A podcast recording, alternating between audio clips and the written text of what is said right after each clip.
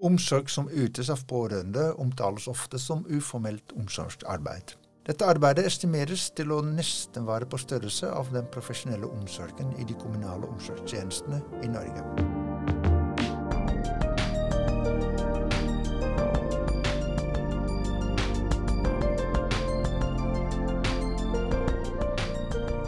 Dag er det fortsatt kvinner som tar på seg mest av dette arbeidet.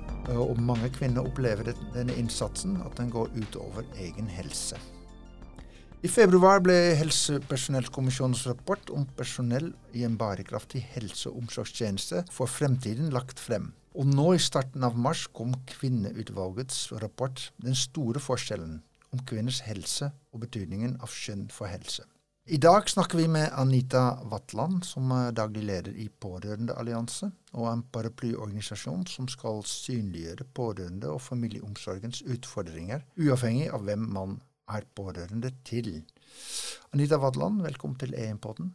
Tusen takk, og tusen takk for å bli spurt om å være med her. Det setter vi pris på. I dag finnes det ganske mange pårørende i, eh, i Norge. Man snakker om mange hundre tusener. Mm. 800 000 er tall som nevnes. Fortell litt hvordan dere jobber med, det, med, den gruppen. Vi tok jo en telling på hvor mange som er i behandling, og hvor mange som er pasienter, og hvor mye ulykker. Og så regner vi én til én. Da er det 800 000.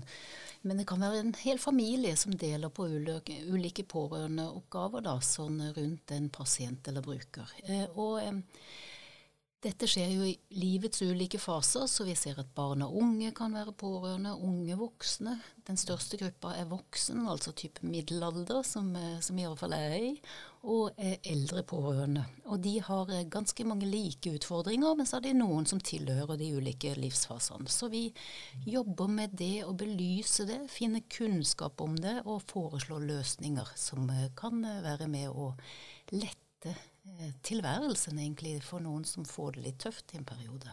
Mm. mm. Hva var definisjonen på en pårørende? En pårørende som, eh, som, ofte defineres i internasjonale sammenhenger, som vi har adoptert, er at det er en som gjør noe som pasient eller bruker ikke lenger kan eller behersker selv, og som eh, vedkommende kanskje ikke gjør selv, som gjøres da av noen nærstående, eller som det offentlige måtte utført, rett og slett. Så det er eh, dette å miste evne til kanskje ivareta og hjelpe seg sjøl, som noen andre kompenserer for. Og det mm. offentlige gjør det med profesjonelle, og familie og venner og nærstående gjør det med det uformelle. Mm, ja, for du nevner både familie og, og naboer, nærstå, nærstående venner. Det er ja. ikke bare familie, men det kan være egentlig hvem som helst. Ja, vi begynner å få kolleger som begynner å bli pårørende til hverandre. Vi I fremtida så vil 30% av dagens eldre ikke ha nær familie. Så da er det sånn at man får et nettverk. Og, og, noen velger jo og lever med venner og partnere og andre som går inn, og da blir dette eh, nettverket rundt oss som skal hjelpe hverandre når vi trenger det. Mm. Hva er spesielt viktige områder for dere med hensyn til eh, de pårørende? Hvilken måte prøver dere å påvirke politikken? Vi har jo utmeisla fem områder som er viktige. Er, vi er alle avhengige av å samarbeide godt med helsetjenesten som regel. Og det er kommunen mm. som er den, gjerne den største samarbeidspartneren der. Eh, og så er den store gruppa pårørende i jobb, eller for unge også i utdanning. Og da skal du gjerne kunne kombinere det med, med, med pårørendeomsorgen. Eh, så har vi behov for informasjon når dette står på. Vi må vite noe. Vi må også kunne bli hørt og lytta til, for det er mange som vet mye om den de er pårørende til. Eh, og så har man jo behov for eh, økonomi og ordninger og muligheter og sånt, så man får livet sitt til å gå opp. Og så har vi særlig sagt at man skal løfte frem de unge. Også for det har vært en litt usynlig gruppe i Norge, som nok Europa har vært bedre på enn oss. Så, så, så fem sånne hovedområder som vi jobber med. De unge det er de som må ta vare på sine foreldre mest. Mm. Og, og, du sier at det, i Europa er man flinkere på det. Hvordan skal vi tolke det? Jeg tror vi har hatt mye mer arbeidsmigrasjon f.eks. i Europa. Så mange har reist, og det er de store søsken som passer på mindre søsken, og kanskje bestemor i tillegg. Og mer singelfamiliehusholdninger. Og, og tøffere økonomiske vilkår. Så, så, det går ikke an å få hjelp til alt. og, og Og Særlig innenfor rus og psykisk helse ser vi at eh, unge voksne kan bli den voksne, eh, som Mm. hjelper både foreldre og søsken. Og, og eh, trenger støtte for både sin egen del, men også for familien. For de får litt for tung ryggsekk, som gjør at de ikke kommer seg i jobb eller får fullført studier. Så de Vi vet jo at vi har mange uføre, unge uføre i Norge, og vi vet at dette er en, en gruppe i den gruppa der som vi ikke har noe tall om. Nå får vi det. Så jeg hører på deg, så føler jeg at det er veldig mye som er litt uavklart, eller dere vet, men er ikke veldig synlig i det store bildet ehm, i, i politikken i kommunene, i helsetjeneste. Er det riktig? Det er riktig. Da vi begynte i 2016, så hadde vi ingen nasjonale data. Så vi gjennomførte selv en undersøkelse i to år på rad for å få frem, og fikk over 10 000 svar. Og så fikk vi påvirka til den pårørendestrategien, som da sa at her må vi ha nasjonale undersøkelser på en del felt. Så nå får vi den tredje, og det kommer også en til neste år. Og det fyller noen kunnskapshull. Som eh, også peker på hvor det trengs eh, løsninger. Så, så da begynner vi å få svar, og da kan vi også si at ja, men da må vi, da må vi fikse en del ting. noe med det. Ja. Mm, for det er jo en ganske stor eh, ressurs man kan tenke seg i, det, Mm. i helsetjenestene. Ja, og, og for Norge, når vi vet hva vi mangler nå av helsepersonell, så må vi jo passe på denne innsatsen her. For den er jo ikke som de frivillige. De er frie, og de er villige. De kan eh, slutte når de vil.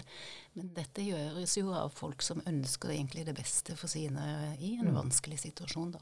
Ja, for det er ikke så Mm. lett å bare gi opp når man ikke orker mer. Eh, Nei. Man må jo, når det er sine egne foreldre eller eh, annen familie eller venner, så blir man liksom eh, tatt for det til, til eh, hele veien ut. Ja, man gjør det også. Man ønsker det beste, men det er jo mange som vi ser sliter seg ut av. Og, og det er der vi må være med og finne hvor er bremsepunktet. For vi er på ville veier hvis vi får to pasienter ut av én situasjon. Og det er vi opptatt av å forebygge. da. Mm, for det er mange eh, pårørende som selv sliter etter hvert og får helseproblemer. Så det handler ikke bare om de som må ta vare på, men også de som er som pårørende, må bidra til den Ja. prosessen. Absolutt. Du går jo også, det er jo det er litt motsatt omsorg av foreldreomsorgen. Fordi at du, du får friske barn som skal vokse opp og klare seg sjøl, men her får du jo gjerne noe som er tungt, og sykdom og en ventesorg osv. Så, videre. så noen er jo pårørende kort og intenst, noen er det av og på, og noen er det litt sånn hele livet. Mm. Så vi må se på hva skal til for å gjøre det bra i den perioden der, om uansett om den er kort eller lang. Mm. Og så har man den fordelingen mellom menn og kvinner som er veldig Ja. veldig synlig her når man får de tallene frem, at det er veldig mange uh, At det er stort sett kvinner som påtar seg de oppgavene, eh, eller mye av de oppgavene, og at dette også medfører at de selv både lider økonomisk uh, skade og, og uh, kanskje også får helseproblemer og belastning, ekstra belastning ja. av det. Ja, det gjør det. Og den siste undersøkelsen viser at kvinner tar mest. De, eh, de jobber også mest deltid. Eh, De bruker mest sykefravær for å få dette til å gå opp. Og her kan vi lage noen bedre løsninger, så vi får bedre likestilling mellom, mellom kjønn. Sånn som vi gjorde da vi skulle få det på barneomsorgen. Og nå, nå endrer demografien seg, så nå må vi tenke på samme måte her, da. Men Hvis du sier vi kan finne på noen løsning eller støtteordninger, hva, hva slags ordning skal vi tenke på da? Vi, må ha, vi har ti, til ti dager velferdspermisjon alle sammen for å hjelpe våre nærmeste, men bare en del tariffavtaler og staten har dette inkorporert. Eh, Dette burde vært likt for alle, så det ikke er avhengig av hvor du jobber eller hvem du har som sjef. Eh, og så er det mer fleksibilitet. Kan du gjøre noe? Noen fikk jo veldig gode tider under korona, mens andre som må møte opp fysisk, de trenger andre løsninger. Kanskje de må bytte turnus eller eh, ha en avtale med sin leder om hvordan vi skal få dette til. Så vi trenger mer fleksibel, fleksibilitet og samarbeid, og egentlig å løfte det også inn i arbeidslivet, for dette kommer til å slå inn i arbeidsplasser også. Mm. Og så har vi et samfunn som har store utfordringer. Vi blir jo eldre, som i seg selv er hyggelig, men det vil jo medføre også en stor økning av f.eks. demens, eh, antall personer med kreft og andre typer eh, diagnoser, som at vi trenger mye mer eh, hjelp til, til dem, til de som er eh, eldre. Mm. Um, og og, for så vidt også med, med type rus og psykisk helse for yngre. Men vi ser særlig på den eldre gruppen at, vi, at mange av de rapportene som skrives, uh, antyder at vi får mye større utfordringer i fremtiden. Um, hva vil det bety for pårørende? Det vil bety at vi kommer til å være pårørende mye lenger, fordi levealderen øker. Eh, og det er jo hyggelig, men det blir også lengre perioder med det da. Og da må vi, da må vi gjøre noe grep for det. Og vi kommer nok også, i og med at vi blir færre pårørende fremover. Flere eldre, men færre pårørende. Så vi kommer til å være pårørende til flere. I tillegg så kommer nok avstand inn i et eh, land som Norge. Vi kommer til å være pårørende på avstand. Vi ser jo den urbaniseringa som som foregår, og flytter til byer og, og tettsteder. Eh, småsteder blir de eldre og uføre igjen. Så da må vi jo kunne lage gode løsninger for at vi klarer å hjelpe, og så får de hjelp i sin hverdag når vi ikke er der. ikke sant? Så, så kommunen er den som er der eh, i hverdagen. Kommunen er nettverk, eh, og, og, pårørende gjør det de kan når de har fri eller muligheter til det. da. Så her, her kan jo teknologi også komme inn og være hjelp. Ikke sant? For det er jo, Vi ser jo at man har fått den første bølge av velferdsteknologi, som det heter mm -hmm. så pent, som går på alarmer og andre måter å, å kommunisere eh, på. Og, vi ser at teknologien kommer til å være en viktig del av eh, våre situasjon hjemme når vi er der som pasient eller innbygger, med, med våre eh, hjelpetrengende situasjoner. Og vi ser også at uh, det er bare en startfase, så det kommer jo mye mer. Det er en digital hjemmeoppfølging. Vi ønsker at folk raskere blir flyttet fra sykehus inn til uh, sine egne hjem igjen. Mm. Og det vil jo da øke belastningen på, på de pårørende. Ja, det, digital hjemmeoppfølging og, og, hjemme altså vi vil jo gjerne, Pasienten vil jo gjerne ut raskt og hjem, men det bor jo noen andre der også. Og i dag så, så må vi nok tenke på at um, en del steder så må man også tenke, legge til rette for at en pårørende f.eks. ikke må ta ulønna fri. Eh, for det er det jo ikke alle som kan. Hvis det er en forutsetning, så må vi faktisk endre de forutsetningene for å lykkes med digital hjemmeoppfølging. Og det ligger jo på, på leverandører å si fra om, og for og på staten å gjøre noe med da, rammebetingelsene for å lykkes med, med, det. Og de er ikke på plass i dag. For vi har jo leger som, si, som vet at pårørende 50% sier nei, for de har ikke oppspart ferie eller har ikke mulighet til å ta ulønna permisjon. Da må vi gjøre noe med det. For hvis samfunnet sparer på det, så må også noe av den gevinsten deles med de som er en del av løsninga faktisk. Ikke sant? Fordi mm. man har snakket mye om at det sparer eh, ressurser for sykehus, og ja. kommunene kan også på en annen måte uh, være delaktige hvis man har tekniske verktøy uh, ja. for, for å, å, hjelpe dem. Mm. Men så ligger det litt mellom linjene at det er pårørende som skal passe på den pilledispenseren og sørge for at uh, alarmene fungerer osv. Ja, iallfall så må det være Det må gå i linje helt ut. Og hvis det svikter, hvem tar ansvaret da? Det kan du, det kan du nesten ikke plassere på noen som kanskje ikke bor der, eller som stoler på at det virker. Og så er det dette med at det er ganske mange får avansert medisinsk behandling hjemme, som det ellers måtte vært helsepersonell der og gjort. Og da, da kan vi ikke forvente at det gjøres på dugnad av pårørende, som også skal betale regninger og ta vare på familien oppi det hele. Så vi må ha en god diskusjon om det, tenker jeg, hvordan vi får uh, dette løst fremover.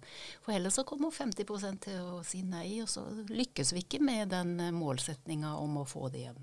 Nei.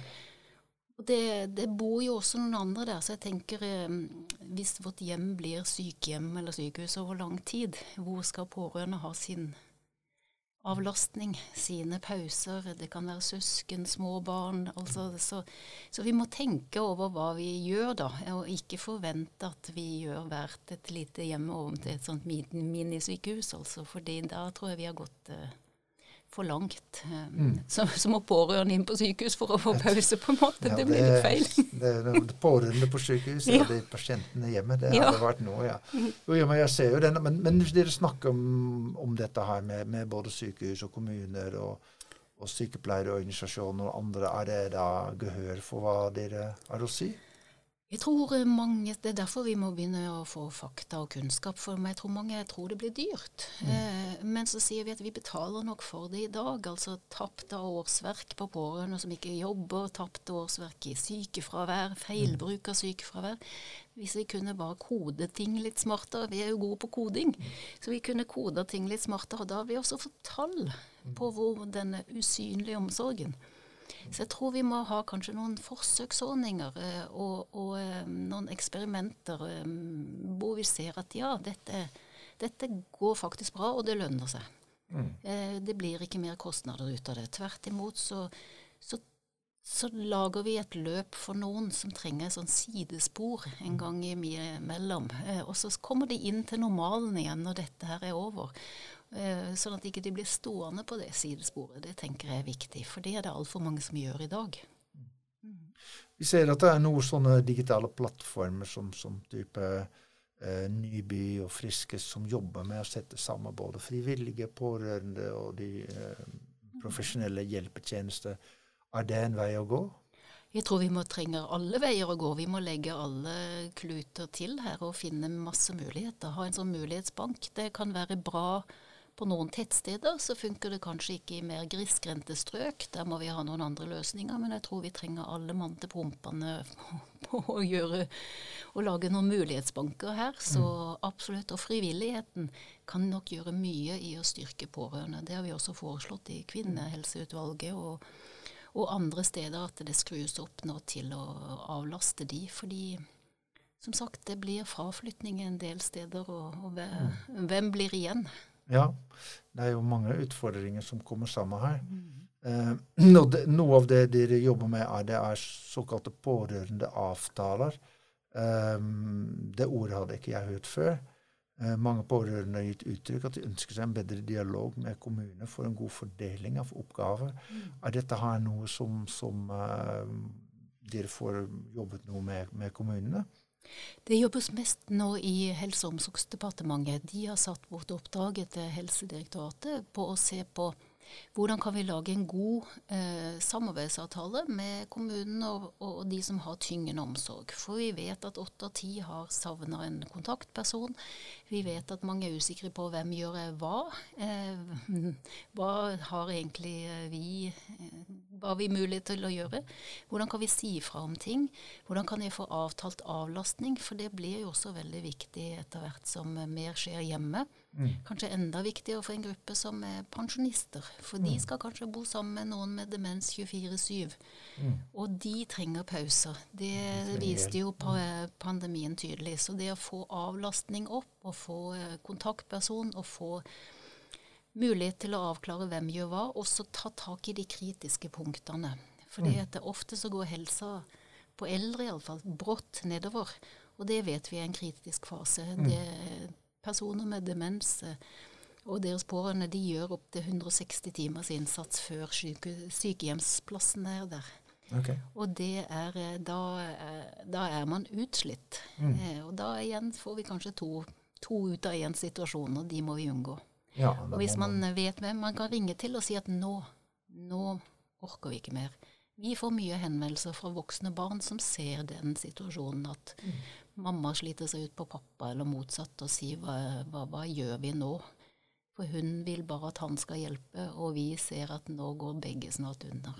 Ja, ikke sant? så mm. kanskje en del av innsatsen skal ikke gå til eh, pasientene, men kanskje heller på pårørende for å hjelpe Absolutt. dem til å få gjort den jobben de faktisk gjør. Ja, de gjør en jobb, men de trenger å ta vare på seg sjøl, fordi det er mange som går altfor langt.